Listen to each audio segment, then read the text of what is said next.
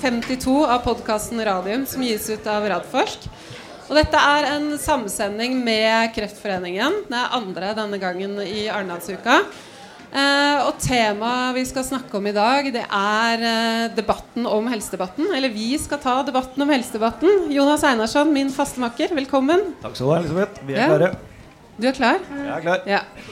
Eh, vi har tre paneler. Vi har masse spennende gjester. Vi skal kanskje bore litt dypere ned i de tingene som det ikke ble boret i i helsedebatten eh, tidligere i dag. Eh, men først så tenkte jeg kanskje du og jeg skulle bare snakke litt om hva, hva syntes vi. Ja. Skal vi være sånn overdommere? Ja. Men det er litt sånn Jeg tenkte jeg skulle dele ut terningkast til samtlige paneldeltakere. Begynne med Annelise Ryel? Nei da. Nei, nei, nei, nei, Det får du faktisk ikke lov til. Der setter jeg ned foten. Nei, men eh, Jonas, fra spøk til alvor. Hva syns du? Jeg, jeg syns det var en uh, positiv debatt. En av de mer positive jeg har, har sett. Fordi jeg syns mye av det vi har på en måte prøvd å få frem gjennom de siste årene, er begynt å synke inn. Uh, og kanskje det viktigste var uh, rundt denne prisdiskusjonen. Så kan man jo mene hva man vil om selve prosessen rundt prisdiskusjonen. Men det jeg syns er positivt, er at jeg ser at det nå begynner virkelig å synke inn. At vi har hatt et paradigmeskifte i hvordan vi behandler sjeldne sykdommer, da spesielt innenfor kreft, som vi jobber overfor. Hvor vi liksom har gått fra at alle med én diagnose fikk den samme cellegiften. Og da var det nettopp å måle om man fikk to eller tre eller fire måneder såkalt median survival mer som telte. Mens vi nå må måle dette på helt andre måter, og vi må ha helt andre regnestykker. I og med at vi behandler mer og mer og nærmer oss at den enkelte pasient får den riktige behandlingen. Og at studiene faktisk er såkalt N er lik 1, altså at hver pasient er sin egen studie. Dette er en helt ny verden, og det må man se på i forhold til f.eks. For Beslutningsforum, som ble mye debattert. Ble stifta i 2013. Eh, verden innen kreftbehandling har forandra seg fullstendig siden 2013. Så vi må ikke bare se på om vi skal flekke på det systemet vi har. Det er et system som var helt brukbart da, er helt ubrukelig i dag, mine, i mine øyne. Og vi må legge om hele beslutningsprosessen. Og jeg ser mye positive signaler på det. Det var det ene. Et annet eh, sånn takeaway fra min side var uh, Lise Lermann, altså mor til uh, denne pasienten som har fått Spinraza. Jeg syns hun gjorde en fantastisk flott jobb. Og hun hadde ett budskap med flere, men ett som jeg syns var veldig viktig. Og det var hvordan hun forklarte at ja, punkt én, behandlingen koster altså 1,8 millioner i året og ikke 3 millioner. Det er blant annet kan man trekke fra momsen som sykehusene betaler til staten, og ikke regne det med i prisen. Så det er en mer edruelig prisdiskusjon. Og så ga han også to eksempler. At sønnen hennes nå grua seg litt til at de antagelig måtte si opp den faste assistenten han har hatt, fordi han er blitt såpass bra at han ikke trenger den lenger. Og det var ca. halvannen million kroner i året. Og da er det spart inn der. Så det at vi nå må begynne å se på regnestykkene og se på de samfunnsøkonomiske aspekter ved hele regnestykket Problemet nå er jo at det er ikke samme adressat for kostnad og besparelse. Og Derfor klarer vi ikke å se det i sammenheng. Det ser jeg positivt. Siste uh, punktet mitt var at jeg syns det gikk altfor lett over at vi er i ferd, ikke bare i ferd med, men vi har fått et todelt helsevesen. Øystein Mæland sier at uh, det er jo ikke så farlig om det er noen som har råd til å kjøpe en medisin som ikke er godkjent i Norge. Uh, og det kan man jo delvis være enig i, men det er ikke sånn det fungerer. Fordi det er mange medisiner som er godkjent i Norge. De har fått markedsføringstillatelse, det er fullt lovlig å bruke de, men de har ikke vært igjennom mølla som kan ta 1, 2, 3 år. Og i den tidsperioden så er det noen som har ressurser til å få medisinen, og noen som ikke får det. Så det er liksom mine takeaway fra dette. Så bra. Eh, vi har storfint besøk, og det er mange av de som skal løpe videre. For det er torsdag på Arendal. Det er den store helsedagen, så der løper eh, både politikere og andre dyktige folk beina av seg. Så jeg tror vi bare skal invitere opp våre første gjester. Jeg begynner med Saliba Korkunsch, Du er politisk rådgiver for Bent Høie. Velkommen opp, og gjerne applaus, folkens. Må ha litt eh, folke, folketrim. og Stortingsrepresentant og helsepolitisk talsperson for Arbeiderpartiet, Ingvild Kjerkol, velkommen. Annelise Riel, generalsekretær i Kreftforeningen, velkommen. Og sist, men ikke minst, Marit Hermansen, president i Legeforeningen, velkommen. Først og fremst tusen takk for at dere tar dere tid til å komme innom eh, vår lille podkast. Eh, det er bare å ta opp mikrofonen, og så starter den når dere starter å prate. Uh, vi skulle egentlig hatt Bent Høie her. Bent Høie måtte steppe inn for en viss Sandberg. Skal ikke si noe mer om det. men det er veldig hyggelig at du kunne komme istedenfor. Og så, som jeg sa til deg i stad, jeg regner med at du har fått alle fullmakter. Så, Som jeg sa til deg tilbake, så skal jeg avsløre halve statsbudsjettet ja. i dag. Så, det, så det, er vel verdt å være her. og Vel verdt å følge med, for her kommer det til å komme mye. Nei, men fra spøk til alvor. Jeg hadde faktisk begynne, tenkt å begynne med å si og rose både Bent Høie og deg, Ingvild Kjerkol, eh, for at dere er to så innmari dyktige politikere. Og som tar en del av disse problemstillingene innenfor helse, og kanskje spesielt kreft, på stort alvor. Eh, pakkeforløpende kreft har kommet med, med, høye, og du vet det betydd veldig mye for mange innenfor det med biobanker og helsedata. Så jeg vil begynne med det. Så da får du hilse og si det til Bent. Eller så får han se på etterpå. Det hadde vært veldig stas. Men eh, jeg tenker vi skal begynne med et, kanskje det vanskeligste spørsmålet. Og hvor vanskelig synes dere denne debatten om pris kontra enkeltpersoner er? Jeg begynner med deg, Salima. Den er jo, eh, den er jo rett og slett veldig vanskelig. Eh, det er jo eh, Altså, du, du, skal være veldig kald for ikke å bli berørt av alle de eh, triste enkelthistoriene om folk som har eh, gjerne en uhelbredelig sykdom, men som har håp eh, i nye metoder, nye legemidler som kommer, men som ikke, ikke får dem. eventuelt at de må vente veldig lenge. og det er jo nettopp derfor den eh, tverrpolitiske enigheten rundt prioriteringskriteriene enstemmig eh, vedtatt i Stortinget at det er veldig bra, eh, for vi trekker i samme retning på dette området. Eh, vi er opptatt av eh, altså rettferdige prioriteringer og likeverdig tilgang. Eh, og så er det jo altså, Som du sa, så er det jo det er jo ikke perfekt. Systemet er absolutt ikke perfekt. Det jobber vi med hele tiden. Kommer, til, kommer tilbake til det knyttet til bl.a. persontilpasset medisin. Så er absolutt, vi er absolutt ikke i mål. Men hvis man bare ser på hvordan det var før nye metoder ble innført, og hvordan det er nå, det er en enorm forskjell. Eh, Bent eh, sa i sted at eh, hadde du hjerteproblemer, så kunne du ligge i sykehuset dagevis, ukevis før. Nå har vi fått nye metoder som gjør at du trenger å stikke innom bare dagpoliklinikker rask eh, operasjon, eh, og så et raskt inngrep, og så ut igjen. Det, det, er jo enorme samfunnsøkonomiske besparelser, og ikke minst besparelser for den enkelte. Jeg går videre, Ingvild. Ja, det er jo enkeltpersoner, og veldig mange av dem står også fram. Og da blir det veldig sånn sterkt fokus på det. Nå har jo Bent en, eh, kanskje en bedre opposisjon enn han fortjener. For når han satt i opposisjon, så, så satt jo han sammen med en del av disse syke pasientene på frokost-TV og, og, og fortalte de her hjerteskjærende historiene. Det som er gledelig, eh, det er jo de gangene man kommer til sluttenden i valg av et nytt medikament. Og der eh, kan gå tilbake til i fjor sommer. Da var det jo diskusjon om Kadsyla for brystkreft med spredning.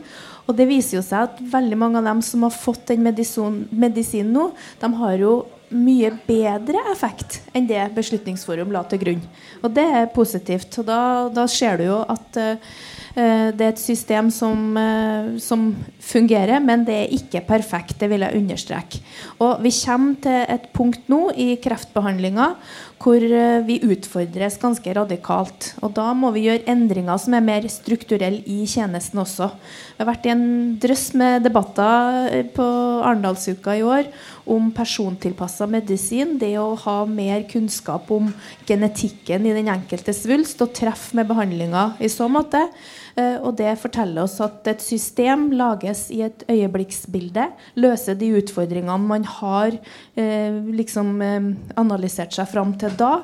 Men så må man hele tida gjøre endringer og forbedringer. For dette feltet det går i en rivende utvikling. Ja, og Det syns jeg var veldig positivt i dag i debatten. For der var jo du og Bent veldig enige om at persontilpasset medisin det utfordrer systemet, og da må mm. man endre systemet. Mm. Annelise, gå videre til deg. Hvordan syns du dette her med enkeltpersoner og, og den debatten er? Eh, jeg syns også den er, den er, veldig krevende og vanskelig. og det er fullt av dilemma. Eh, både på hva man skal gjøre og, og ha av system som er bærekraftig og som gjelder flere samtidig som du har enkeltmenneskene og ansiktene og skjebnene. og så kan det være en løsning som er bedre for å ivareta den, men som egentlig du kanskje ikke kan gå for hvis du skal se helheter og prioriteringer i det. Uh, det er krevende i seg sjøl. Jeg syns også det er krevende debatter fordi det er vanskelig å forklare dem forståelig. Det, hele Norges land går ikke rundt og Veldig teknisk mye av ja, Beslutningsforum. Det er liksom ikke det du snakker om over søndagsmiddagen om, og alle skjønner hva er. Og ellers alle teknikaliteter rundt det. Uh, så, så hvordan klare å løfter opp og forklarer det på en måte som blir forståelig. Eh, og min eh, store kjepphest er jo også å klare å eh, forklare at det vi snakker om her, og de prioriteringene, er eh, på et lite område. Hel helsedebatten, helseøkonomien, ressursene vi bruker i helsevesenet, er altså det er de 95 andre prosentene. vi kommer tilbake til den, så vi trenger ikke ta den nå. Og, men det, det, som er kjernen med bekymring, er jo at uh, folk kan miste, miste tillit til helsevesenet som sådan. For de plutselig tror at man ikke får den behandlinga og de medisinene som man burde få for å overleve eller leve lenger. Og det, vår, vårt anliggende er jo hvordan klarer vi å forklare dette på en måte sånn at folk fortsatt er trygge og skjønner at helsevesenet som sådan gir veldig god behandling. Men vi må løse den fliken. Mm. Tusen takk. Marit? Ja, og, og, det berører oss. Det er vel kanskje det, det, som eh, gjør at debatten blir så stor, og, og, og, vi opplever den så vanskelig, fordi den nettopp rører ved eh, det som vi er aller reddest for. Og, det gjelder alle i befolkningen. Altså, alle kan kjenne seg igjen det denne moren fortalte om, denne angsten for at barnet ditt skal bli alvorlig syk. Eh, alle kan kjenne igjen den der løvemorfølelsen. Eh, og jeg tror det er det som gjør at, at vi blir så berørt. Og når vi da skal på en måte begynne å regne på det og sette opp kriterier, så er det et, et vanskelig dilemma. Men nettopp derfor er jeg jo så glad for at vi tidlig og, og i over tiår har hatt denne prioriteringsdebatten. Fordi vi må både se det menneskelige og la oss berøre, men vi må også løfte oss og klare å, å tenke på befolkningsnivå. Ja, for Det er viktig at det ikke blir en sånn dag-til-dag-politikk. Det man ønsker, er jo at alle skal ha lik tilgang, uavhengig av uh, geografi, kjønn og det var noe mer som de snakket om i dag. Yngvild? Ja, det er sosial bakgrunn. Ja. Mm. Jonas, hadde du en kommentar til den? Eh, ja, jeg har en, har en, liten kommentar. fordi Det ble nevnt her, og det ble også nevnt i debatten, at dette nå gjelder bare veldig få pasienter. Eh, og kanskje bare 5 eh, Og det er for så vidt riktig. Men det er så viktig at vi tar den prinsipielle diskusjonen nå, mens det enda bare er såpass få. For det er jo denne veien vi ønsker å gå. Vi ønsker at flest mulig skal komme inn under dette at de får den riktige medisinen og den personaliserte medisinen. Så Derfor kan vi ikke bruke argumentet at det er ikke så farlig fordi det er så få. Dette er den prinsipielle viktige diskusjonen. Men det er vel ingen som sier at det ikke er så farlig. Vi bare sier, vi bare sier at vi må klare å pedagogisk si det på en sånn måte at vi trygger folk ja, jeg, jeg, jeg, er helt enig i det. Men det er bare viktig å si at det er denne veien vi skal gå. Men uh, jeg vil holde oss litt på den, uh, altså den, den, menneskelige siden her. Marit, uh, du og Jonas, dere er begge leger. og det hender jo at man da som onkolog nå, en kreftlege også, sitter med en pasient som du kanskje vet at denne pasienten her har ikke råd til den medisinen. Jeg kan ikke gi det over mitt sykehusbudsjett. Men f.eks. på Aleris så kan han eller hun gå. Altså den herre daglige dilemmaet for legen oppi dette her, kan ikke du si litt om det? For det har det vært debattert flere ganger tidligere også. Og det, det, er jo noe av de virkelig vanskelige situasjonene som uh, jeg som lege uh, kan stå i. Uh, nettopp at du da har fulgt en pasient, og disse pasientene følger du jo ofte over år veldig tett. Eh, og, og, og, vi strekker oss jo faglig for å, for å, redde liv, for å gjøre det best mulig. Og så, og så plutselig kommer du i en situasjon eh, hvor du sammen med pasienten ser at her fins det behandling, men det er det ikke dekning for i det offentlige. Og det er et veldig vanskelig dilemma. Eh, men nå er det jo også da eh, avklart nettopp pga. den offentlige diskusjonen at det er viktig og riktig eh, at pasienten får informasjon om tilgjengelig behandling. Eh, eh, selv om man kunne tenke seg at det legger sten til byrden fordi du vet at pasienten ikke har råd til å betale det, så er det viktig at pasienten har den rettigheten for å få den informasjonen. Eh, for hvis ikke så vil vi sannsynligvis eh, øke forskjellene enda mer. men vi er jo da opptatt av at denne lojaliteten som legen føler til eh, pasienten, og lojaliteten som vi også føler til det offentlige helsevesenet. Det er et dilemma. Og, og hvordan kan vi eh, på en måte minske det dilemmaet? Jo, det kan vi minske ved at vi faktisk styrker den offentlige helsevesen. At vi gjør det som kom opp i debatten i dag, hurtigst mulig, sånn at vi sammen faktisk kan si med hånda på hjertet at den forsikringen du trenger i Norge, det er, eh, er folketrygden. Eh, du får den beste behandlingen eh, når du blir alvorlig syk. Og den eneste måten å på en måte bevare det, det er jo at vi, at vi kan levere på dette. Så, så, så, så å styrke den, eh, styrke den, offentlige helsetjenesten og møte fremtiden på det, er på en måte botemiddelet. Ja. Saliba? Ja, en liten lissepasning der. Altså det Eh, helse er en av regjeringens største satsinger, og det kommer mer penger. Uten tvil. Det var avsløringen min fra statsbudsjettet. eh, men, men, det jeg vil si om eh, Jeg er veldig enig i det du sier.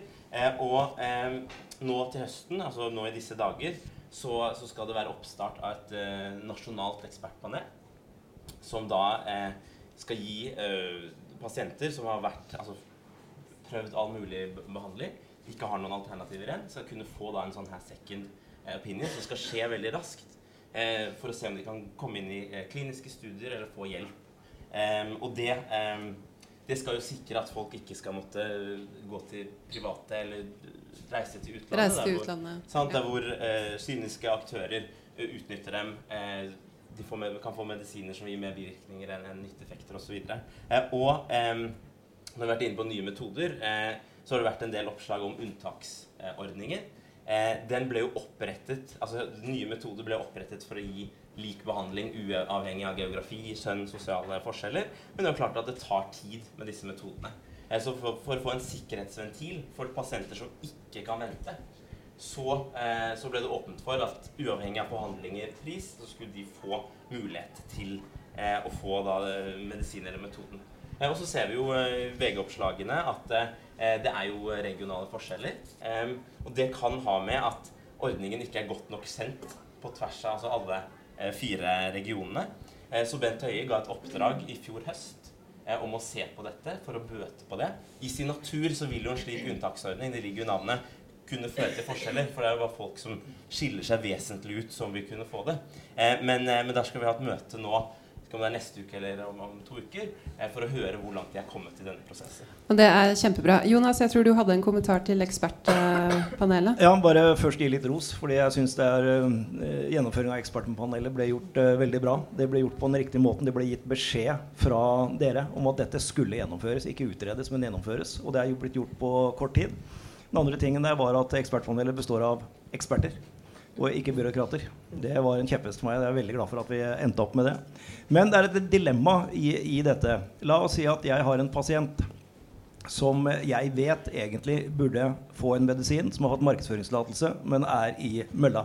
Så sender jeg den til ekspertpanelet. Konkluderer ekspertpanelet med det samme som jeg har gjort. Det er denne medisinen som er riktig for denne pasienten. Vil den pasienten da få den medisinen av ekspertpanelet? Da vil ekspertpanelet få svært mye å gjøre. Nå, nå du Vil du svare på det? Jeg ser etter embetsverket her, men de er ikke her. Hvor er de når man trenger dem? Ikke sant? Nei, men det er greit. Annelise, du hadde replikk? Ja, for at uh, debatter hopper jo fort videre til nye ting. Og jeg hadde egentlig lyst til å ikke slippe det Marit sa helt. Fordi det var, er veldig viktig akkurat dette med at du som behandlende lege uh, Og når det gjelder kreft, så har du kanskje vært det over år, over lang tid. Du har, du har fulgt den pasienten og dette dilemmaet om skal du fortelle at det finnes medisiner som eh, ikke det offentlige hadde, hadde råd til. Og jeg er så glad at det er blitt avklart eh, at man skal det. fordi at det må ha vært grusomt å stå i det på, på, nettopp på legebehandlingssida. Sett fra pasientene sin side, for vi har jo fått masse henvendelser på det. Eh, og den fortvilelsen som er. Men fortvilelsen har jo også vært Mitt anker, mitt fotfeste, er jo legen. Min behandlende lege. Og da må jeg vite at jeg kan stole på, og at den legen forteller meg alt. Fordi at uh, ofte så vil jeg etterpå allikevel finne det ut via andre veier. Og, det å miste ankeret fordi veldig ofte så kommer jo pasienten, hvis den da har pantsatt huset og kjøpt denne medisinen, eller gjort det sånn, så havner den jo tilbake allikevel hos samme legen etter hvert. Så, så bare ikke miste den, siden du trakk den frem, og den var ikke i helsedebatten, men det perspektivet er også utrolig viktig. Det er det. Ingvild, sånn du ga en replikk. Ja, Det der går jo inn i legeetikken, rett og slett. Uh, og det er selvfølgelig en utfordring at man kommer i den type situasjoner, og at det kanskje inntreffer uh, oftere enn det vi ønsker oss. Så det viser jo bare viktigheten av å ha gode systemer. For det vil jo være en risiko uansett hva legen gjør i en sånn situasjon. Fordi at den anbefaler noen andre til å overta deler av behandlinga. Men som Anne-Lise sier, man slipper jo ikke pasienten sin for det. Og hvis det, kommer eh, ja, at sykdomsbildet forverrer seg, så kommer jo den pasienten tilbake til det offentlige. Så um, spørsmålet er hvordan akkurat denne utfordringa vil ut utvikle seg i framtida. Det vil være en av de tingene vi må, kunne, vi, vi må følge med på og, og, se om det kreves annen type mekanismer. Jeg vet at uh, du snart må løpe videre, Ingvild, så jeg hopper til uh, siste spørsmål. Så må dere ta en kjapp, uh, kjapt svar på det. men altså, altså, Utgiftene til legemidler de utgjør ca. 67% av hele budsjettet på, på helse. Eh, og ofte det man diskuterer når det kommer til prioriteringer, det er altså de medisinene til de sykeste pasientene. Hvorfor er det det vi snakker om, og ikke de 94-95% andre pengene på dette ganske store budsjettet? Saliba, begynner med deg. Og så kjapt.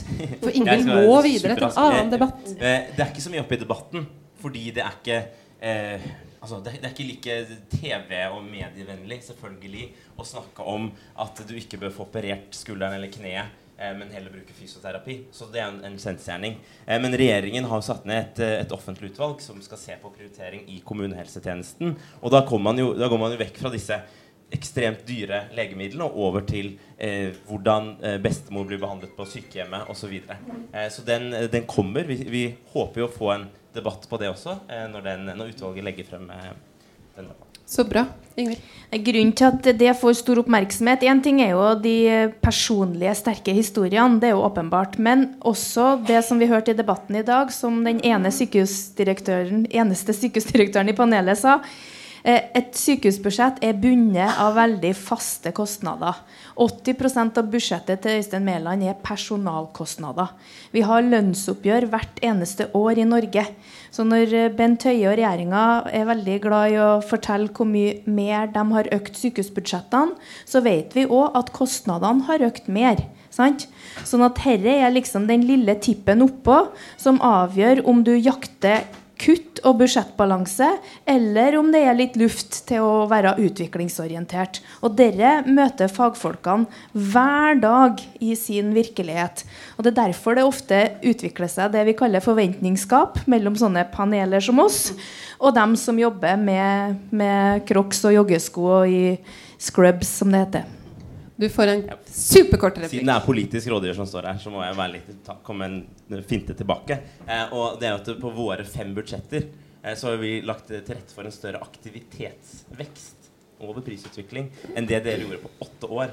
Så jeg måtte bare få inn den. Beklager det. Og det må være kort. Der er de glad i å bruke bruttotall. Og vi har en dokumentert virkelighetsoppfatning, noe som flere ledende helseøkonomer slutter seg til, at de siste tre årene så har man kutta aktivitet i sykehusene. Annelise?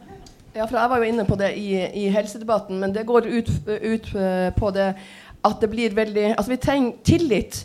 Og, og, og folk skal ha tillit til helsevesenet. Da må man skjønne det.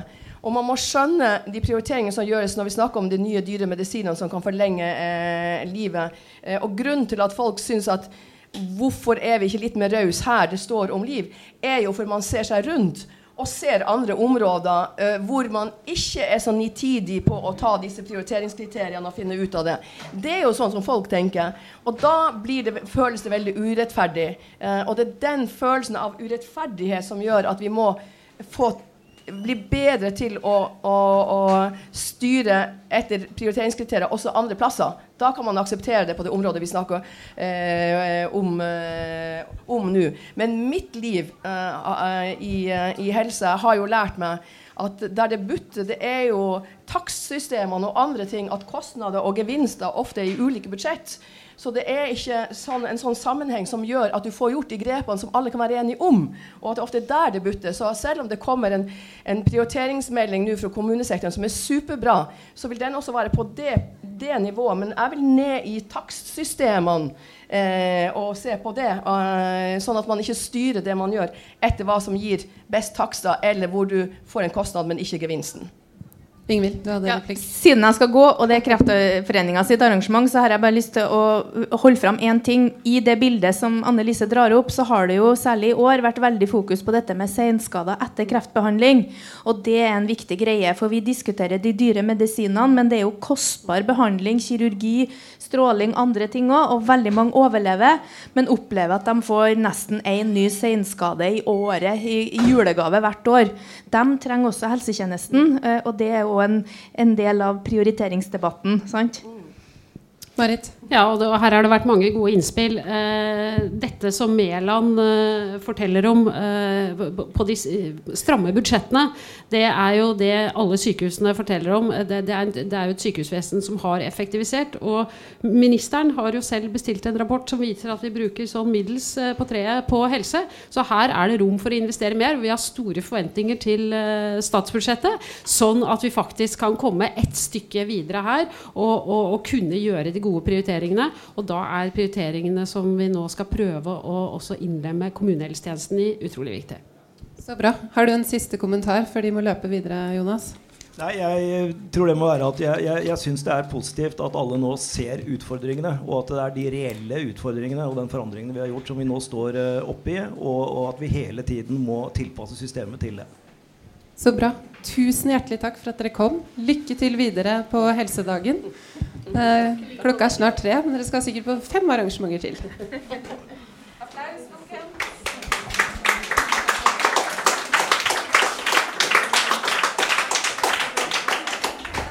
Da er det veldig hyggelig Vi er ikke ferdige, altså, så folk må ikke gå. De som ikke må gå, da. Da er det veldig hyggelig å invitere opp Anne Hafstad. Du som er journalist og kommentator i Dagens Medisin. Eh, Hun har faktisk også bakgrunn som helsejournalist i Aftenposten.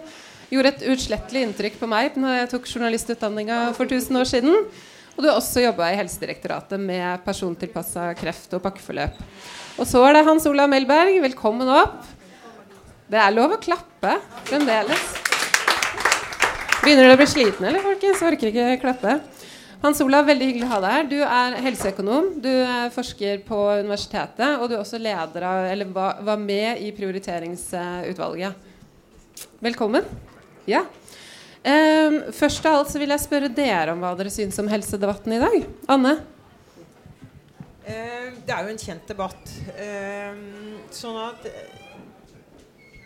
og, Men det er en interessant uh, debatt. Jeg syns eh, debattantene var veldig veldig gode, men det vet vi jo. Og jeg tenker vi skal være glad for at vi i Norge har politikere som skjønner litt av hva de snakker om. Jeg syns de er gode, jeg syns de er spot on på en del av hva som er kjernen i problemstillingene. Så er det sagt.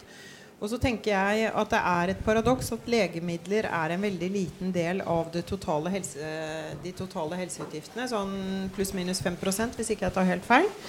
Eh, og da syns jeg kanskje det fikk veldig stor plass i debatten. Og, og det er en del av debatten som jeg har hørt veldig mange ganger før. Eh, det jeg gjerne skulle sett litt mer av, det er jo dilemmaene Altså hensynet til enkeltpasienter. Det er jo ingen som ikke blir berørt av enkelthistoriene. Men hensynet til enkeltpasienter versus de mange.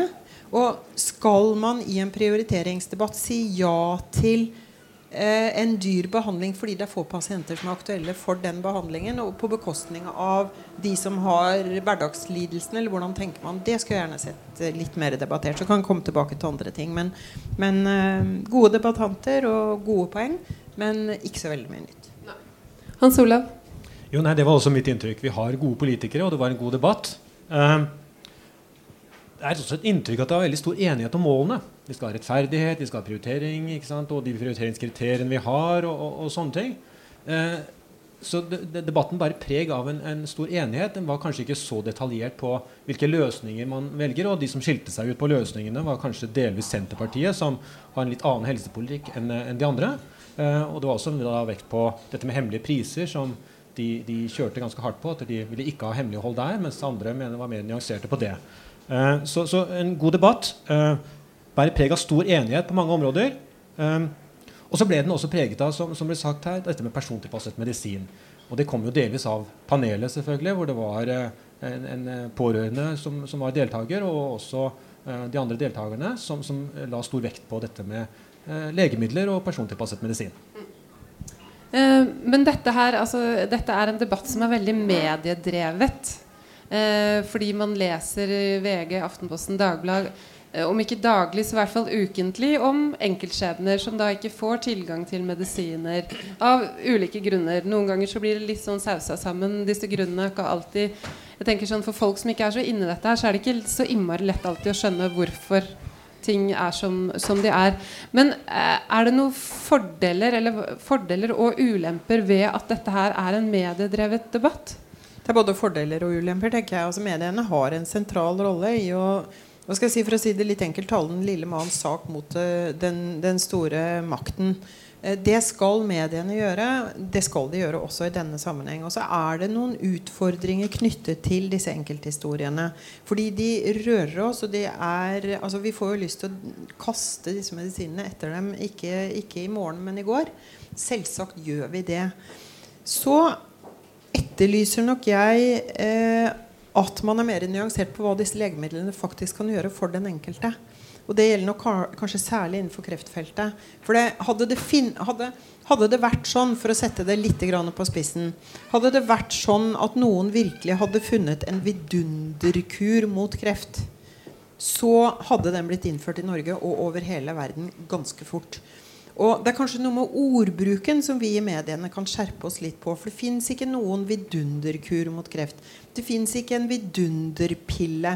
Altså man, man, lurer folk til å tro og når vi snakker om Dere var ikke så veldig mye inn på det i dag. Men når vi snakker om folk som da drar til Aleris, drar til Tyskland, hvor de nå måtte finne på å dra, de gjør det fordi de tror at dette er vidundermedisinen som kan redde mitt liv.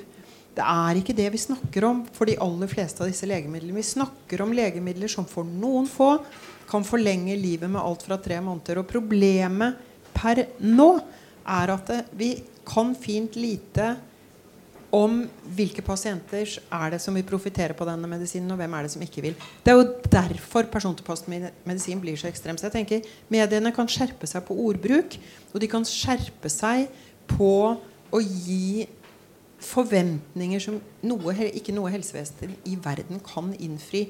Fordi det er en tilleggsbelastning for eh, dem det gjelder. Men at mediene skal henge på dette, tenker jeg er utrolig viktig. Ja, for jeg syns eh, ja, jo mediene har spilt en veldig viktig rolle i å pinpointe en del ting som ikke har fungert. Sånn som uh, i fjor sommer når Aftenposten og VG kjørte på dette med kliniske studier, som viste det at det var ikke mulig å finne ut av hvor det var kliniske studier.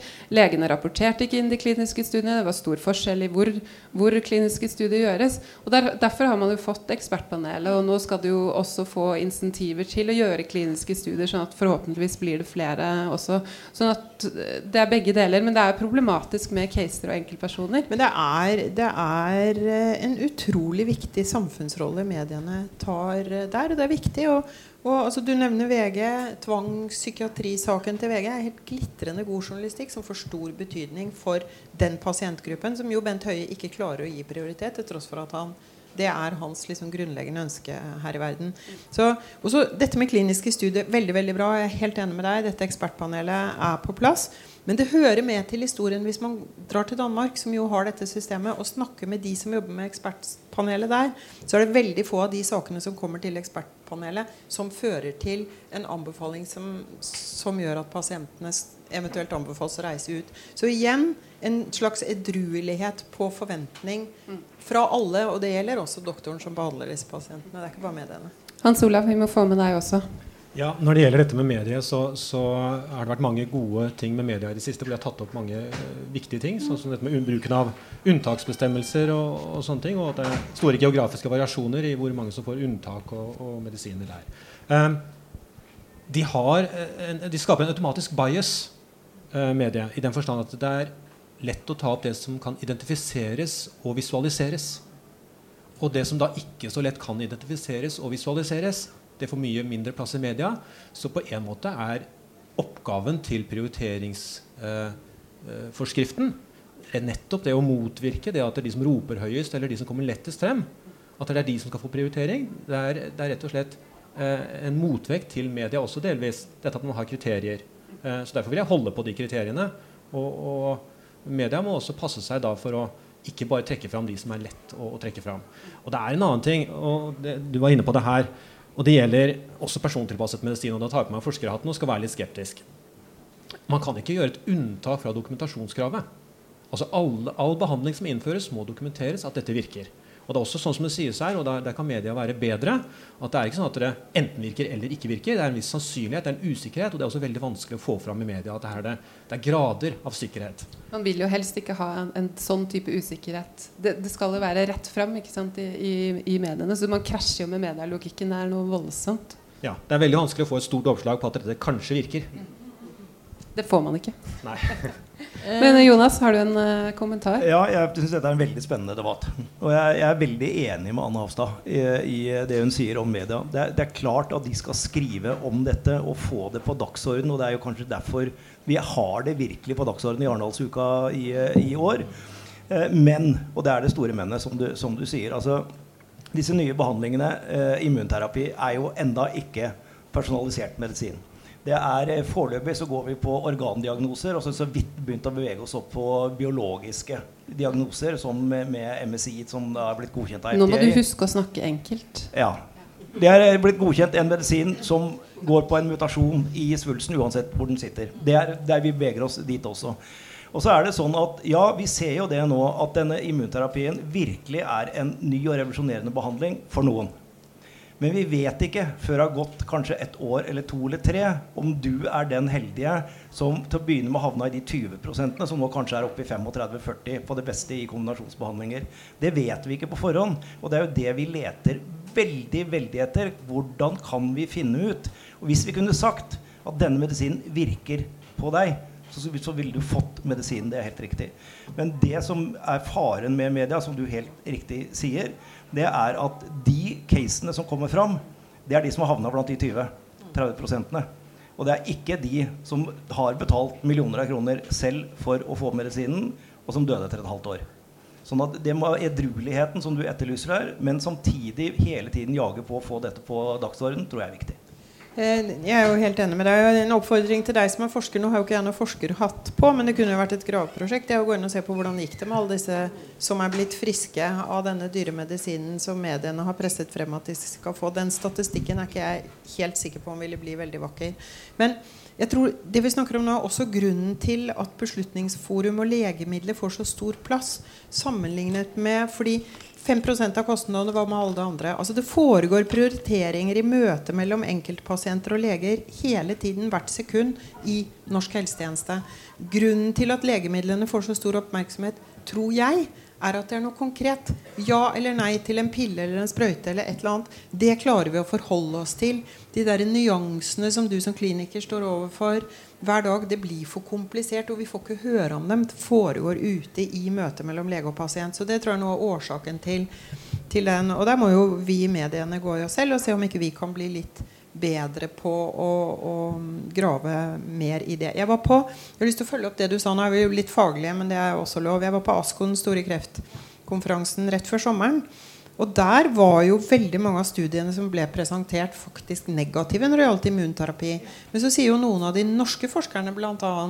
så sier at ja, men da, nå har man sett på immunterapi alene. altså Nå må vi begynne å tenke immunterapi i kombinasjon med annen behandling. og det er nok der kanskje immunterapiens styrke kan komme til å vise seg.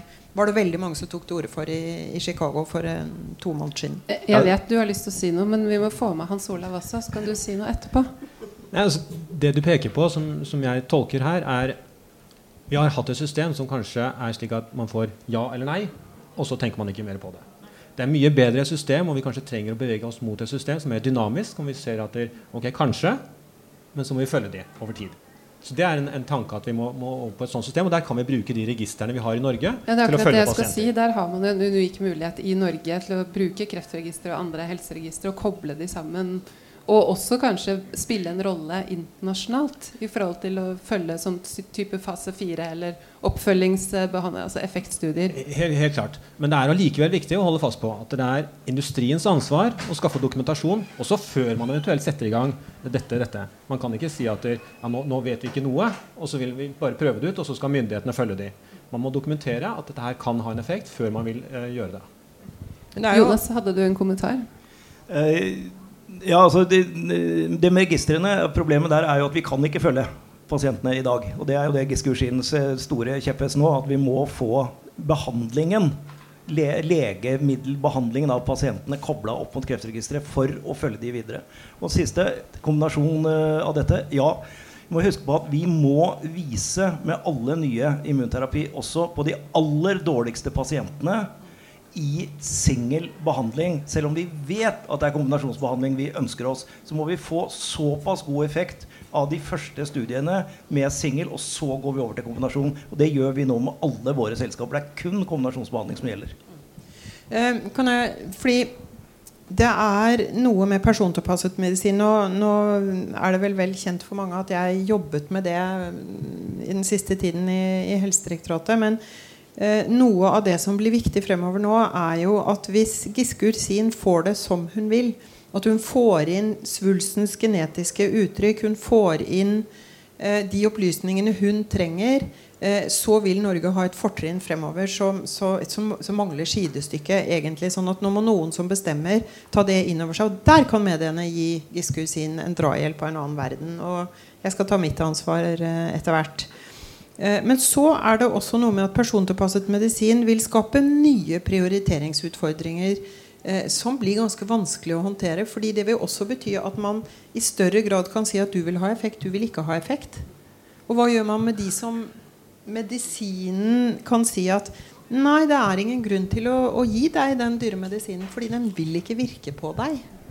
Og det handler vel i stor grad om tillit. At man faktisk tar det. Ok, jeg må mm. stole på det du mm. sier her. Og det her er liksom to streker under svaret. Mm. Men jeg er helt enig med deg. Den tenker jeg er veldig, veldig vanskelig. Men uh, Hans Ole, jeg har lyst til å snakke litt om, om helseøkonomi oppi dette. Uh, for det er også ganske komplisert, for her er det mange ting som kolliderer. Kan ikke du forklare litt hvordan man Altså hvordan priser man? Hva er liksom opp eller ned fra Beslutningsforum når du sier nei, dette tror vi ikke har god nok effekt i forhold til den prisen som da et eh, selskap gir? Ja, jeg kan si litt om det. Eh, det er mitt lodd i livet holdt jeg på å si, å snakke om eh, penger. og være den som gjør det. Er selvvalgt, da. ja, det er jo det. Eh, nei, så, så eh, Det som skjer, er eh, Beslutningsforum de skal følge visse retningslinjer. De retningslinjene handler om tre ting. Det ene er hvor nyttig denne, dette legemiddelet er. Og det måler man ofte i sparte leveår og hvor god kvalitet man har på, på de leveårene. Så man legger sammen de to tingene og måler det i nytte. Og så ser man på kostnaden, og så veier man dette ut fra alvorlighet. Så de alvorligste sykdommene, og det defineres som de sykdommene som har størst tap av leveår i forhold til et eh, vanlig liv. Så de alvorligste sykdommene de er man villig til å betale mer for. Så sier man for ett leveår, altså et godt leveår, så er man kanskje villig til å betale 800 000 kroner hvis det er den mest alvorlige sykdommen. Noe, noe rundt det. Så det er, det, det er sånn man rett og slett regner på nytte og kostnad og så alvorlighet. Og så setter man opp det, og så sier man betaler vi, kommer det medisin som koster mer enn 1 million kroner for et år, så, så, sier man kanskje nei. Nå har man gått over det noen ganger, så det finnes ikke en sånn helt offisiell grense. Men det er måten å regne på. Det som er litt interessant her, er noen av detaljene. Fordi, og det ble tatt opp i debatten i dag også, skal man f.eks. ta med eh, besparte samfunnskostnader det ble jo snakket om i debatten at man sparte kostnader i forbindelse med at personen ikke trengte pleieassistent. Nå hadde Høie helt rett i at det ligger inne. Det kan man ta med. Men det ligger også inne at man skal ikke ta med alle sparte samfunnskostnader. F.eks. at personen kommer raskere tilbake til jobb. Det skal ikke være med. Og det kan høres rart ut. Hvorfor ikke? Ja, det, det, det høres, høres ikke logisk ut i det hele tatt. det, høres, det høres rart ut. Da får man men, jo skatteinntekter, og folk har det fint. Og, ja. ja. Så, så, Personlig så mener jeg at man bør ligge litt vekt på det. Men det er et argument mot. Og Det er følgende. Det betyr at de sykdommene for, som rammer de som er i jobb, rammer unge personer, de vil automatisk få større vekt enn de sykdommene som rammer f.eks. pensjonister. For de kommer ikke tilbake til jobb. Så for å unngå den urettferdigheten der, så har man sagt at man skal ikke legge vekt på den, den type sparte samfunnskostnader. Man kommer tilbake til jobb. For man vil, skal, man vil ikke ha den urettferdigheten. Det jeg mener, er at eh, man kan legge noe vekt på det. Men så får man se, for jeg synes det er feil å si at det, hvis du finner en, et legemiddel som har vidundereffekt når det gjelder å få folk tilbake til jobb, så burde det, så burde det også telle. Du tror litt på vidunderpillen, du? hvis det finnes, eh, så, så ville jeg også lagt vekt på det. Men eh, jeg ser argumentet at det, det er ikke sikkert vi skal ta med det i like stor grad som alle de andre effektene. Stort sett så bruker man i helsevesenet å prioritere etter helseeffekten og ikke etter alle andre effekter. Har du en kommentar? Ja, altså, man var jo inne på det i panelet her i sted at utfordringen nå ved persontilpasset medisin blir jo at, at, hver og en av oss blir vår egen kliniske studie på en helt annen måte enn det vi har sett i dag. Det er ikke sånn ta inn 3000 pasienter og gi dem samme greia. Det, er, altså, det står for fall på et eller annet tidspunkt, og så er det ingen som med sikkerhet kan si når, når vil dette skje fullt og helt. Men det betyr jo at norske myndigheter må begynne å rigge seg for den endringen nå. Jeg er en forsvarer av Beslutningsforum. Jeg er en forsvarer av felles prioriteringskriterier for alle. La det være sagt. Men det må legges om for å møte en ny tid med moderne medisinsk behandling. Og, ja, og den diskusjonen man hadde i dag om Beslutningsforum, syns jeg var litt interessant. For det, for det som jeg tror folk flest eh, reagerer på, er mangel på åpenhet. Mangel på ankemulighet, mangel på transparens. Men så er alle enige om at man må ha et sånn type forum. Um, og så er det kobla opp til at det er, det er direktørene i, i, helseforetakene, og de har også økonomiansvar. Men kunne man sett for seg en annen løsning? Altså Kjersti Toppe sa jo det. Kan man ikke flytte det til et annet sted? Altså andre mennesker, annet sted, annet budsjett? Man har jo prøvd det. For det første så, så så tror jeg ikke vi skal glemme at det er et samlet storting som for to år siden sa ja til de prioriteringskriteriene vi har i dag. Altså Dette har alle, inkludert politisk enighet. Ja, alle. alle. Altså Det er veldig få saker hvor, det, hvor alle er enig. Også, også, Senterpartiet var enig i det. Um, og man har jo prøvd å ha det et annet sted. Det var jo Helsedirektoratet som hadde ansvaret før det gikk over. Det, det fungerte ikke spesielt godt. Sånn at det, det blir noe med at å sitte på utsiden og disponere pengene på vegne av RHF-direktørene. Jeg tror ikke det er så mange direktører i toppselskaper som ville like at andre kunne disponere pengene deres. Men kanskje over et annet budsjett eller fond eller noe sånt noe? Hans Olav? Nei, Jeg er motstander av fond, for å være helt ærlig. Og Grunnen til det er at da vil man få en stor forskjellsbehandling mellom f.eks. kreft og andre sykdommer. Så jeg, To personer som har det like alvorlig sykdom målt i, i, hvor vanskelig det er å leve, og sånne ting. Jeg syns ikke den ene skal få mer penger enn den andre fordi det finnes et fond for den ene i forhold til den andre. Når det gjelder mer generelt dette med, med uh, hvordan man, altså om Beslutningsforum er rette mekanisme, så uh, vil jeg først da spørre hva er alternativet. Uh, man kan snakke om at man hadde et alternativ at politikerne alle den type beslutninger skulle opp på politisk nivå, som vil også skape en veldig vanskelig situasjon. man kunne ha et alternativt system hvor man lar beslutningen gå nedover, hvor legene skal, skal bestemme, men det vil igjen skape veldig store forskjeller. Så jeg tror på et eller annet vis så må vi ha en slags sentral institusjon og, og, Oppgaven blir da å bygge legitimitet og, og, gjøre den så god som mulig. Ja, for Det er det med den tilliten og den legitimiteten som man på en måte kanskje mangler litt. Anne? Nei, Jeg vil um, bare påpeke at vi har gode helsepolitikere i Norge, men å overlate til dem å gjøre faglige vurderinger på hvilke medisiner folk skal ha, det vil jeg fraråde. Det har vi sett ganske grelle eksempler på. F.eks. en osteoporosemedisin som ble trumfet igjennom rent politisk, og som viste seg i etterkant å ikke være særlig smart. Og det tror jeg de ikke vil, vil gjøre heller. Det skal være, høres det ut som. Jonas, har du en kommentar? Ja, nei, altså det, Dette viser jo bare hvor komplisert dette er. Og, og, jeg er enig i det. Jeg er ikke for at vi skal avvikle Beslutningsforum eller flytte det opp eller, eller ned. Altså jeg, jeg, ser jo at sånn som denne MetAction-studien, den viser at vi i dag har en infrastruktur som Da må du og, forklare hva den studien er. Ja, det er, det er rett og slett at man setter sammen masse gode fagfolk og går helt til gensekvensering av pasientens tumor og finner ut hvilken medisin hjelper best for denne pasienten. Og Resultatene deres er veldig lovende. Men det betyr i så fall at da kan det dukke opp en medisin som ikke er godkjent for den indikasjonen engang. Og skal da de legene få lov til å ta og forskrive den medisinen, og hvem skal betale det? Det er et uløsbart dilemma per i dag å flytte dette opp til politikerne. Vi har gode politikere, som du sier, og de skjønner sin inkompetansegrense. Og det er noe av det viktigste for en politiker å skjønne. Så per i dag så er det det vi har. Men vi må hele tida se til at det er et dynamisk system som forandrer seg ettersom vi får nye former for behandling. Og det er det jeg syns er positivt, at i dag ser jeg denne viljen. Det så jeg ikke her for to år siden. Hans Olav, du hadde en kommentar. Ja, nei, altså jeg tror Hvis man skal beholde Beslutningsforum, og det, det tror jeg nå skal, uten at jeg er politiker som skal si ja eller nei til det Den viktigste utfordringen må være å, å klare å få de beslutningene som går gjennom der, de som er vanskelige, til å bli raskere. Det er der vi, der vi altså Stort sett så fungerer systemet veldig bra i dag. De aller, aller, fleste beslutningene går fint gjennom og går raskt og får ja eller nei. Og så er det noen få som er ganske viktige, som, som stopper og tar lang tid. Hvis man kunne finne måter å gjøre det raskere på, så vil det være en stor forbedring av systemet. Ja, for Vi hadde Andreas Stensvold, som er kreftlege på sykehuset i Østfold, her i podkasten for to dager siden. Og Han har jo da vært med å teste ut eh, Sofigo, altså prostatakreftmedisin, som er utviklet i Norge, i klinisk studie. Men når da den kom på markedet og ble godkjent, så tok det jo lang tid. Så han kunne, kunne jo ikke da gi den i den perioden. Og det er jo ikke noe ålreit. Tre år, tror jeg tok det. Var det det han sa? Ja. Det er, eh, altså, Paradoksalt nå så handler jo det også litt om prioritering og ressurser. ikke sant? Jeg tenker at Hvis Beslutningsforum som organ fikk litt mer ressurser, så kunne de kanskje jobbe noe raskere.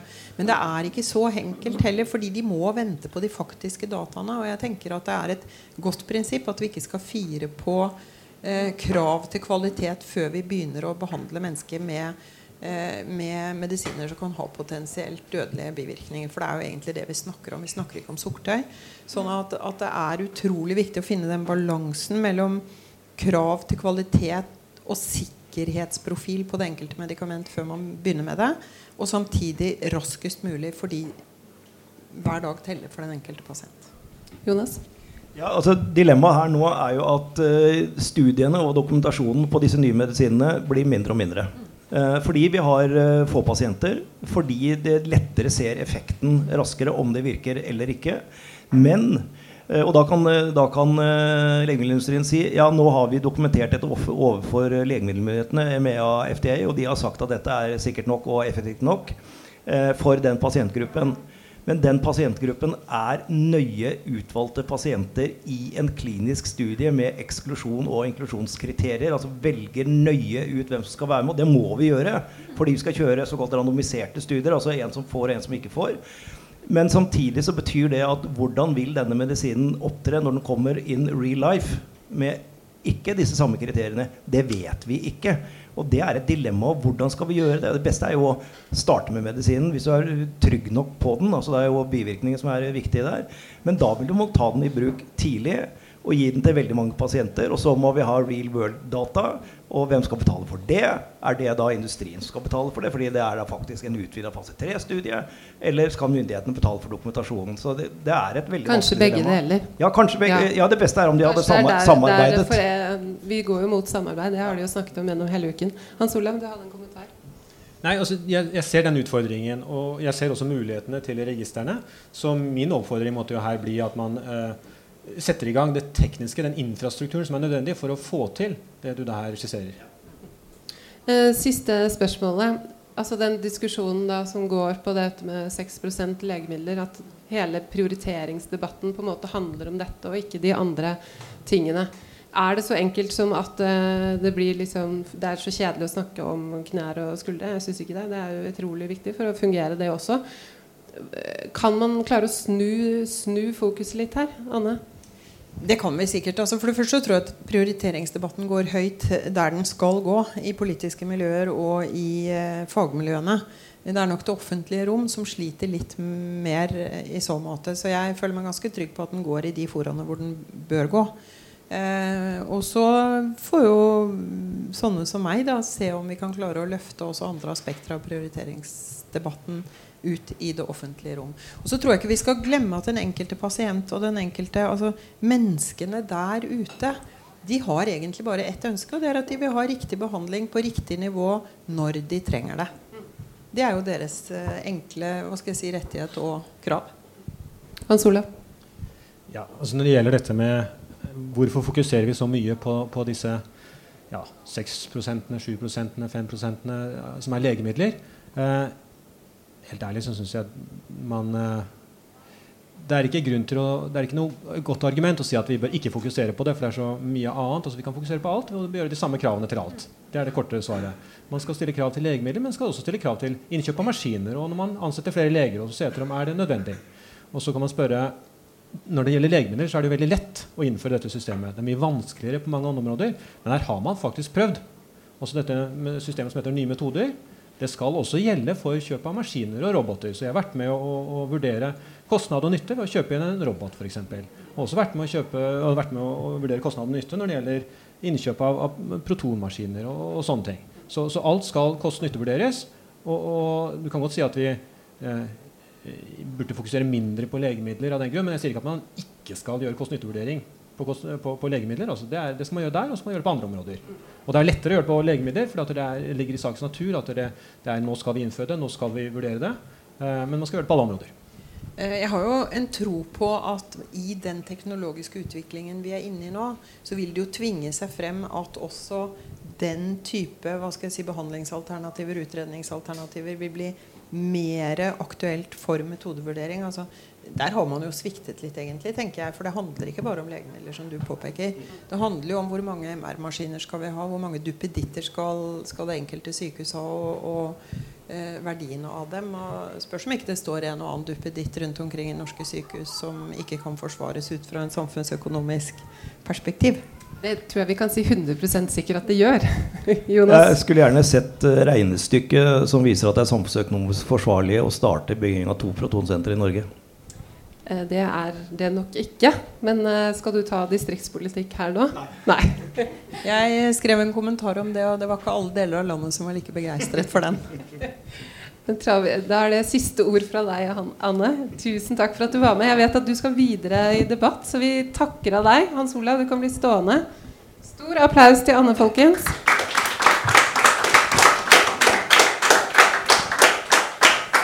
Du skal slippe å bli stående her aleine sammen med oss, for nå er det veldig hyggelig å invitere opp eh, Veronica Barabes, som er administrerende direktør i Novartis i Norge, og også styreleder i LMI, Legemiddelindustriforeningen. Velkommen. Du må ta en mikrofon. Ja. si telefon. Nå begynner å bli sliten her eh, av å stå. Um, denne prisdebatten og helsedebatten Jeg kan spørre deg om det først. Hva syns du om debatten i dag? Eh, jeg syns det var eh, en eh, bra debatt. Jeg deler nok litt av det som ble sagt her tidligere. Det var litt sånn første refleksjon, så tenkte jeg hva er det egentlig vi krangler om? For vi var veldig enige. og litt som Anne Hafstad sa, det var kanskje ikke så mye nytt.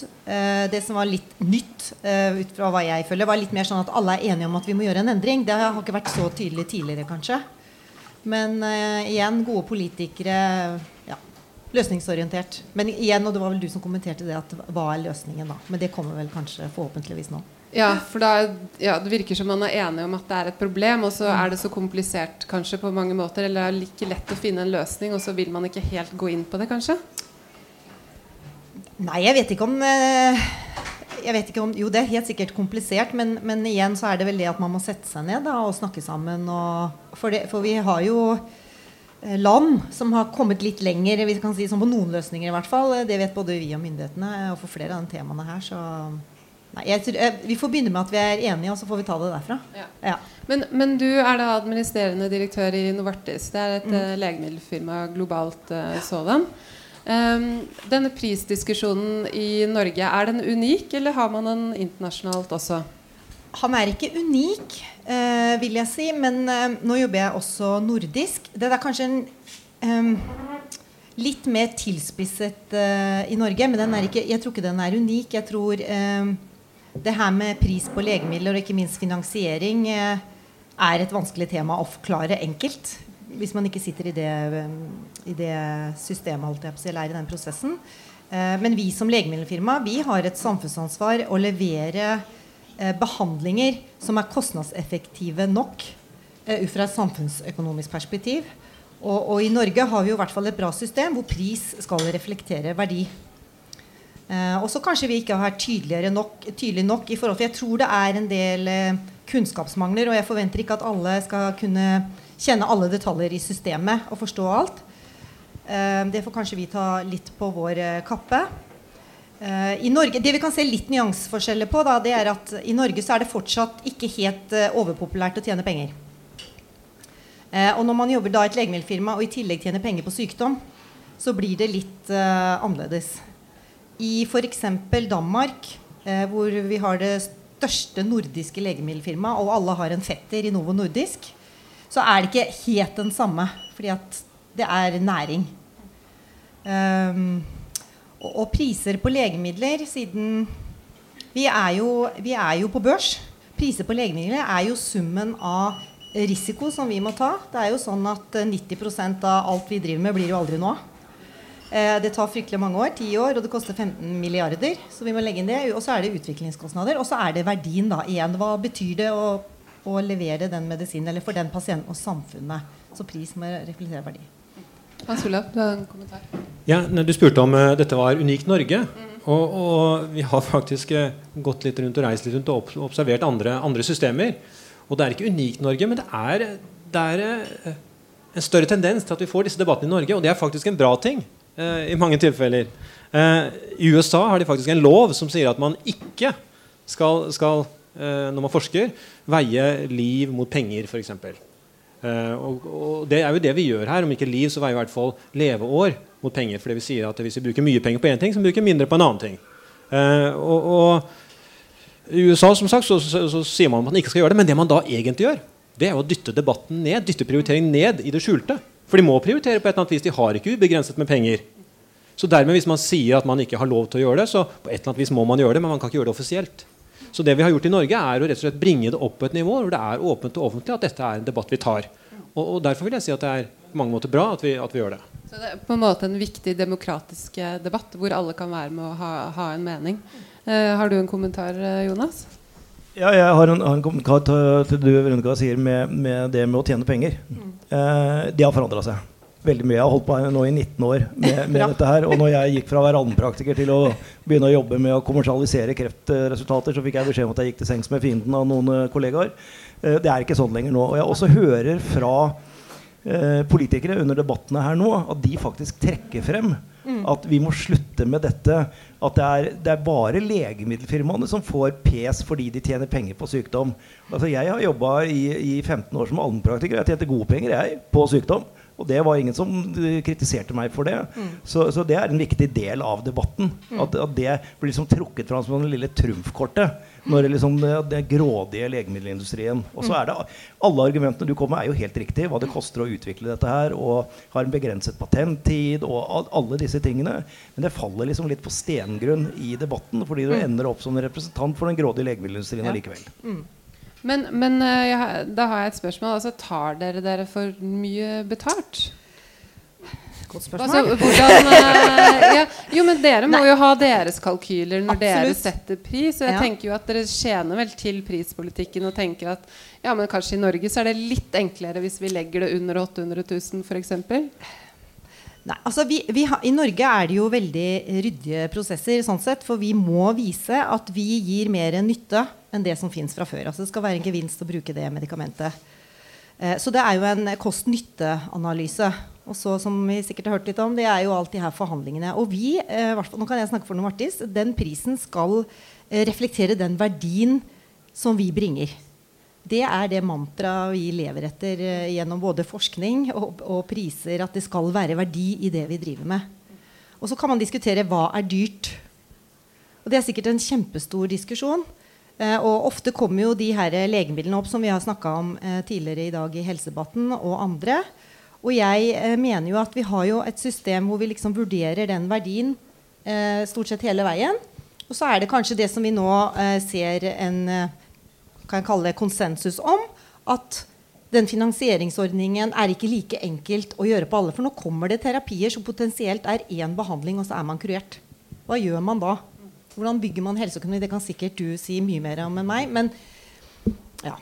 Mm. Hans Olav, jo, nei, jeg, jeg, blir jo filosofisk jeg med en gang og tenker hva er dyrt, og hva er billig? Oi, det var ja, og, da, og, da, går jeg jo tilbake til da, da, går jeg tilbake til historien. Det, dette er faktisk et grunnleggende spørsmål i økonomi. Fordi det startet med et paradoks. Hvorfor er vann så billig, mens diamanter er så dyre? For vann trenger vi for å leve. Mens diamanter trenger vi jo absolutt ikke hvis man ikke vil bli gift. da uh, men det er en annen sak. Uh, så, så, så vi, vi, prøver hele tiden hva, hva er dyrt, hva er billig? Og, og, dette er jo det vi, vi eh, startet med. Og til slutt så løste man det paradokset ved å si at det, jo, prisen er det som eh, markedet er villig til å gi. Og her finnes det ikke et ordentlig marked for legemidler, så vi har et problem der. Så da ser vi ofte etter hvilken verdi er det det legemiddelet gir oss. Eh, og de må da dokumentere at verdien er høyere enn prisen. Så sånn er det. Når det gjelder om legemiddelindustrien tar for høye priser eller for lav priser, så vil det variere fra, fra legemiddel til legemiddel og sak til sak. Uh, Istedenfor å se på prisen, så kunne man kanskje prøve å vurdere det ved å se på profitten til hele industrien. Og så Har de høyere profitt enn andre industrier eller lavere profitt enn andre industrier? Har de høyere profitt, så har de gode betingelser. Uh, har dere høyere eller lavere profitt? Da så jeg en oversikt av kollega her. Jeg vet ikke om det var den du var i ferd med å referere til. Kanskje du skal gjøre det i stedet for meg? Nei, altså, det er en industri med relativt høy profitt.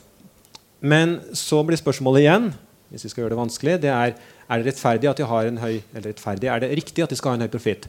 Ifølge økonomisk teori så er det de industriene som tar seg sjanser, som skal ha den høyeste profitten i gjennomsnitt. Og, og, sjanser, det tar dere jo. Ganske mange, ja. Mm. Når det er 90% av det dere holder på med, som da kanskje ikke kommer helt på markedet, så er det ja. jo en risiko involvert her. Mm. Mm. Det, er, det, er, jo et aspekt til her, og det er hva bruker man profitten til? Ja, eh, altså, hvor, hvor, hvor, mye spas tilbake mm. i ny forskning og utvikling mm. for å lage de nye legemidlene, for å ta mm. nye, nye risikoer, og hvor mye går til utbytte? Mm. Kontra andre, andre industrier, hvor, hvor mesteparten av, av uh, profitten går direkte til utbytte. Så det må liksom tas med mm. inn i dette også. Mm. Og da må vi også huske at det opererer med ca. 15 gjør det ikke det, som dere sparer tilbake til uh, R&D, altså forskning og utvikling. Og hva er den forskning og utviklingen? Det er pasientbehandling. Mm. I stor grad. Eh, sånn at det, det, det, er et broket bilde, altså. Hadde en kommentar? Ja, altså jeg vil helt klart Det du sier, er at de brukes mye på forskning. Uh, det skal sies at de uh, beregningene av profitt det er da etter at man har tatt hensyn til at man har forskningsutgifter. Mm. Og de er fremdeles blant de som er mest lønnsomme. Mm. men dette varierer fra selskap til selskap og over tid. Mm. Men jeg har lyst til å snakke med deg om, om, en medisin som dere har utviklet, som er vel den første genterapien i verden, som ble godkjent uh, i høst, som er en såkalt CAR-T, en type immunterapi. Um, og denne her har jo på mange måter altså Det er, er lov å si at den er litt norsk. Den er, jeg syns det er godt du kan si. Ja. ja. Fordi her har du, jo, har du, jo, du bruker jo disse Ugelstad-kulene, ja. og Thermo Fischer har vært sterkt involvert. Og så ja. har det vært kliniske studier som har blitt gjort i Norge Riktig. på både barn og voksne med eh, lymfekreft. Mm. Ja. Um, den er godkjent i USA. Uh, men tror du det blir en prisdiskusjon når den kommer hit? Det håper jeg ikke, men man vet jo aldri. Um, når det gjelder akkurat den, eh, den uh, teknologien, for det er jo egentlig det det er, uh, det er jo ikke to tabletter. Nei, men Bare fortell kort. Forklar. Ja, det er jo, Enkelt. Det er jo, ja, jeg skal prøve. Uh, nå er ikke jeg medisiner, så kanskje jeg klarer det. Nei, det er jo rett og slett at man bruker kroppens egne celler til å danne et slags forsvarsverk mot den kreften. Så det man egentlig gjør, er at man tar ut blod av kroppen. Veldig enkelt fortalt. Man transporterer det faktisk til USA, hvor det blir nesten manuelt bearbeidet. Og laget et slags uh, soldatverk. hva skal jeg si, Soldater som kommer igjen i kroppen og tar liv Og her nikkes det, så det er bra. og tar hånd om sykdommen, da. Så det er jo en eh, ekstremt komplisert prosess. Og her er det folk som kan mer enn meg, vet jeg. Og det er klart at da kommer det en pris på det. Men det her er jo til gjengjeld en kjempeverdi. Og bare for å kommentere, Det er jo godkjent i USA. Og der var jo de første skeptiskene litt overrasket over prisen når det kom. Ja, hva var prisen, da? Eller hva er prisen i USA? Den er vel eh, tre millioner norske omtrent. Så ikke tar helt feil. Jeg har noe nikking her borte, ja. og det er da eh, behandling som gis én gang? Én gang. Og det skal da være engangsbehandling. Eh, og da har man regnet på det, og da har vi ikke hva skal jeg si, makset kostnadseffektiviteten. Og her er det jo dilemmaer, selvfølgelig, for det her er én gang. Og det her er små barn den første runden. Det er et helt liv vi kan redde da. Og da mener jeg at Selvfølgelig mange millioner er en høy pris, men det er jo en fantastisk verdi for pasientene, og også samfunnet, da, hvis det her holder helt inn. Du har en kommentar? Ja, for det, jeg fikk et uh, artig innspill på, på, en av debattene her med, med en av våre politikere, mm. Sveinung Stensland. Ja. han stilte spørsmålet er nå dette en medikamentell behandling, ja. mm. eller er dette et inngrep? På samme måte som du fjerner en svulst hos et uh, spedbarn ja. som da redder livet, og det lever resten av livet sitt, så tar man seg jo bare betalt for det mm. inngrepet. Mm. Mm. Den problemstillingen har ikke jeg hørt før, og den vil jeg gjerne høre hva, de, hva dere sier om begge to. jeg, jeg, synes, jeg, vet ikke hva det eneste er, men, eller det ene eller det andre er, men jeg syns det var også jeg var der, jeg synes det også var en veldig spennende refleksjon. Og det er jo det det her med nå at alle har kommet til at vi må gjøre noe, det er jo vi sett i noen år. og I, i LMI har vi jo jobbet veldig for å si at det er ikke one size fits all. Og jeg tror kanskje også det kan være vanskelig innenfor genterapi å finne felles løsning på det. For det er så forskjellige sykdomsområder. Eh, eh, så her tenker jeg at, og her har vi vært i dialog med flere for å sette oss ned og diskutere hvordan kan vi gjøre det her best mulig. For vi har som plikt i Novartis, siden det er relativt få pasienter, vi har ikke 100 års data, så er vi pliktige til å følge individuelt om det her går bra. Mm. 10, eller 15 år, er det ikke noe sånt nå? Så, så, vi har jo, er det seks år den lengste pasienten har stått på det nå, sykdomsfri. Så, så her kommer det jo til å komme systemer hvor i hvert fall vi vet om det har gått bra eller ikke. Um, så, så, det er det jeg tror at vi må liksom vi har en bra, Jeg er helt enig i diskusjonen om beslutterfond. Sånn. Jeg er også en forkjemper for å få en slags sentral prosess få litt ryddighet, for det var et lappeteppe av finansiering på sykehus tidligere.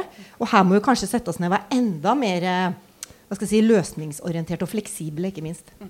Hans Olav? Jeg vil bare si, eh, jeg kan ikke så mye om medisinen her, men hvis man vil ha det som et legemiddel, så er det en prosess. Og hvis man vil ha det som eh, en operasjon eller en annen ting, så er det en annen prosess.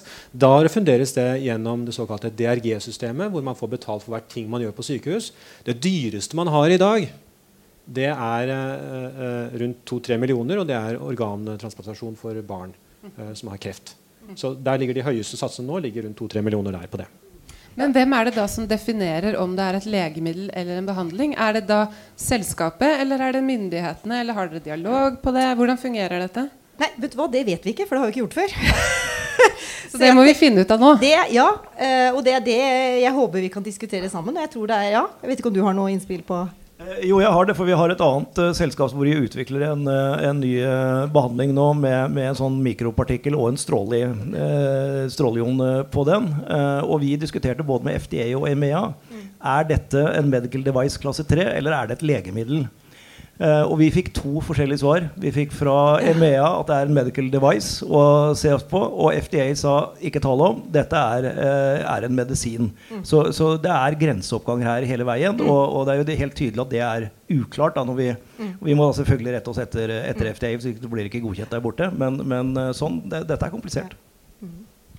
Nei, I utgangspunktet er det jo selskapet som definerer det ved, ved hvor de søker. Mm. Eh, men så blir jo spørsmålet hva myndighetene sier etterpå. Mm. Jeg har vært borti saker for med Du har en salve som skal få et sår til å gro.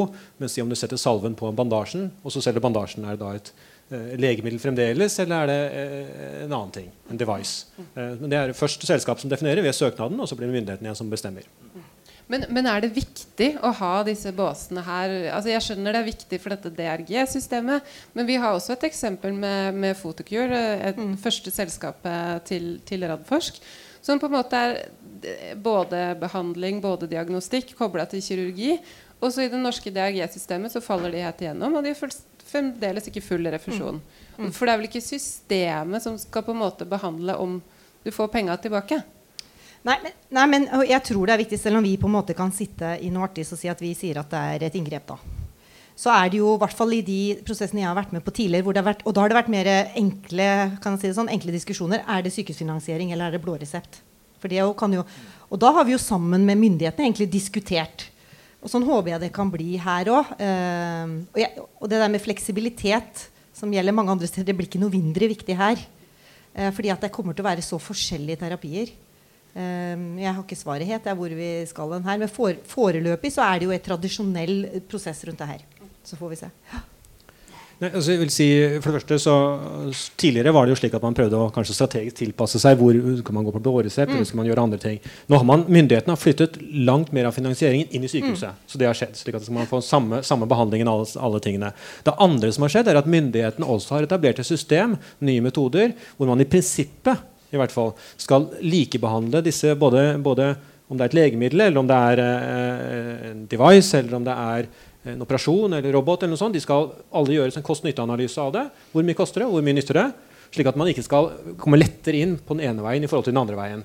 Nå skal det sies at det er to forskjellige institusjoner som uh, delvis behandler det, avhengig om det er legemidler. De behandles ett sted, sånn rent teknisk.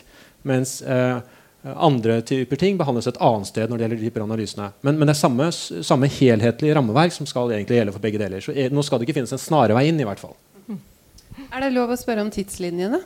Det har akkurat fått positiv opinion i Europa. Det er vel det Det er vel det jeg vet foreløpig. Positiv opinion i Europa. Hva kan man forvente i forhold til uh, Norge da? Vet du hva, Jeg tør ikke å spekulere noe her, jeg, altså. jeg gjør ikke det. Ja, det, dette Hva dette kommer jo an på tidslinjene i eh, EMEA. Ja, selvfølgelig. Eh, og, og de er ikke så veldig lange. Sånn eh, at hvis dette går positivt, så tar ikke det så lang tid. Men det betyr at er det 30 dager etterpå eller er det 60 dager etterpå, så, så får den hvis den er positiv, så får den markedsføringstillatelse i Norge. Mm. Og da starter ballet. Ja. Så hvor lang tid det tar Nei, fra det derfor jeg det, til dere er blitt enige, det tror jeg man ikke kan spekulere i. Så nå er det 16. august og 16. september, og så Ja, det er ganske nært forestående, da. Jo, men altså, det, det kan ta opptil tre år. Vi har sett det. Før den blir Ja, jeg tenker på debatten, eventuelt. Og debatten, ja. ja men, den men det kommer. synes jeg, jeg har lyst til å legge til med, med det her, som du sa, det var en, en norsk innovasjon. Det som jeg også vil berømme myndigheter og alle for her, det er jo ikke bare at det er en norsk innovasjon i bunn, men vi har jo hatt et fantastisk samarbeid med, med Radiumhospitalet. Uten dem så vet jeg ikke om vi hadde fått den studien. Apropos alle diskusjoner vi har hatt om å få kliniske studier. Det var en kamp å få det dit, og det kunne vi ikke gjort uten fagpersoner. I tillegg, Og i den prosessen så var Statens legemiddelverk fantastiske. De var også en, en åpning for at vi kunne i tatt gjøre det studiene her og, og godkjenne raskt. Og i tillegg til det så er jo Statens legemiddelverk rapportør. Så det her er liksom, i, i hvert fall i min lille verden så er det her en litt sånn norsk god historie på samarbeid, vi, som dere jobber med, hvordan vi kan få innovasjon eh, fra Norge hele veien igjennom. Og i det tilfellet her da, så har det vært et globalt selskap som har hjulpet på den veien. Så det er også en bra Det samarbeidet som har vært her, hadde ikke, hadde ikke det vært her, så hadde vi ikke vært her i dag, tror jeg. Så flott. Da tror jeg det ble siste ordet. Nå skal jeg takke av dere to. Så skal vi to ha en liten kort oppsummering, kanskje. Applaus først til Veronica og Hans Olav. Tusen takk. Eh, ja, torsdag. Vi, vi skal ikke være med på Arendalsuka nå, selv om det skjer vanvittig mye mer eh, spennende. Men uh, det her var jo en veldig morsom eh, debatt. Jeg følte jeg lærte utrolig mye. Ja, altså Vi har jo gjort dette før i, i disse podkastene hvor vi har litt tid til å, å snakke litt rundt uh, og grave litt uh, dypere. Og det blir litt mindre Selv om vi hadde, hadde litt her, um, våre kjære politikere som skjøt litt på hverandre, litt skal det være, men, men minst mulig av det, og, og heller grave dypere i det. Og det jeg har lyst til å vise frem, eller vi ønsker å gjøre, er å vise frem hvor utrolig komplisert dette er. Dette må debatteres, dette må diskuteres, det må graves i, og det må være fleksibilitet. Du nevnte Fotokur, og det er, det er helt riktig. De utfordret systemet ved at de plutselig blandet sammen en lysbehandling med kjemi, og det var diagnostikk. Hadde nye metoder vært her nå, så tror jeg dette kunne gått rett til nye metoder og blitt vurdert på en mye raskere måte. Og det viser jo at man har tatt grep for å mø imøtekomme nye måter å behandle på og nye ting å gjøre. Og også eksempelet til eh, Novartis, som da skryter av vårt system med Legemiddelverket og, og, og tilsynet. Eh, vi hadde det samme med, med vaksinen mot livmorhalskreft eh, i sin tid, med Kreftregisteret og, og med myndighetene. Så det er ikke noe vrangvilje hos eh, våre reguleringsmyndigheter, men de må også ha tilført nye ressurser for å møte denne veldig kompliserte hverdagen vi går inn i. Det er sjelden det er vrangvilje. Det er ofte ikke der det, ikke der det står på. Eh, men jeg tenker bare skal avslutte med å si eh, tusen takk til alle som har vært med her i dag. Og så, og så har det vært noen utrolig morsomme dager her på Arendalsuka hvor jeg syns både helse, helsenæring eh, altså alt med registre, helsedata har vært veldig fint debattert. Det har vært masse interesse, masse publikum. Eh, Så det er, vel egentlig bare å si at eh, vi må fortsette når vi kommer tilbake til eh, Oslo og dra i samme retning. For det man vil her, er jo på en måte å skape nye behandlinger, sånn at flere kan få en behandling som de trenger. Det er jeg enig i, Elisabeth. Bra avslutning. Takk for oss.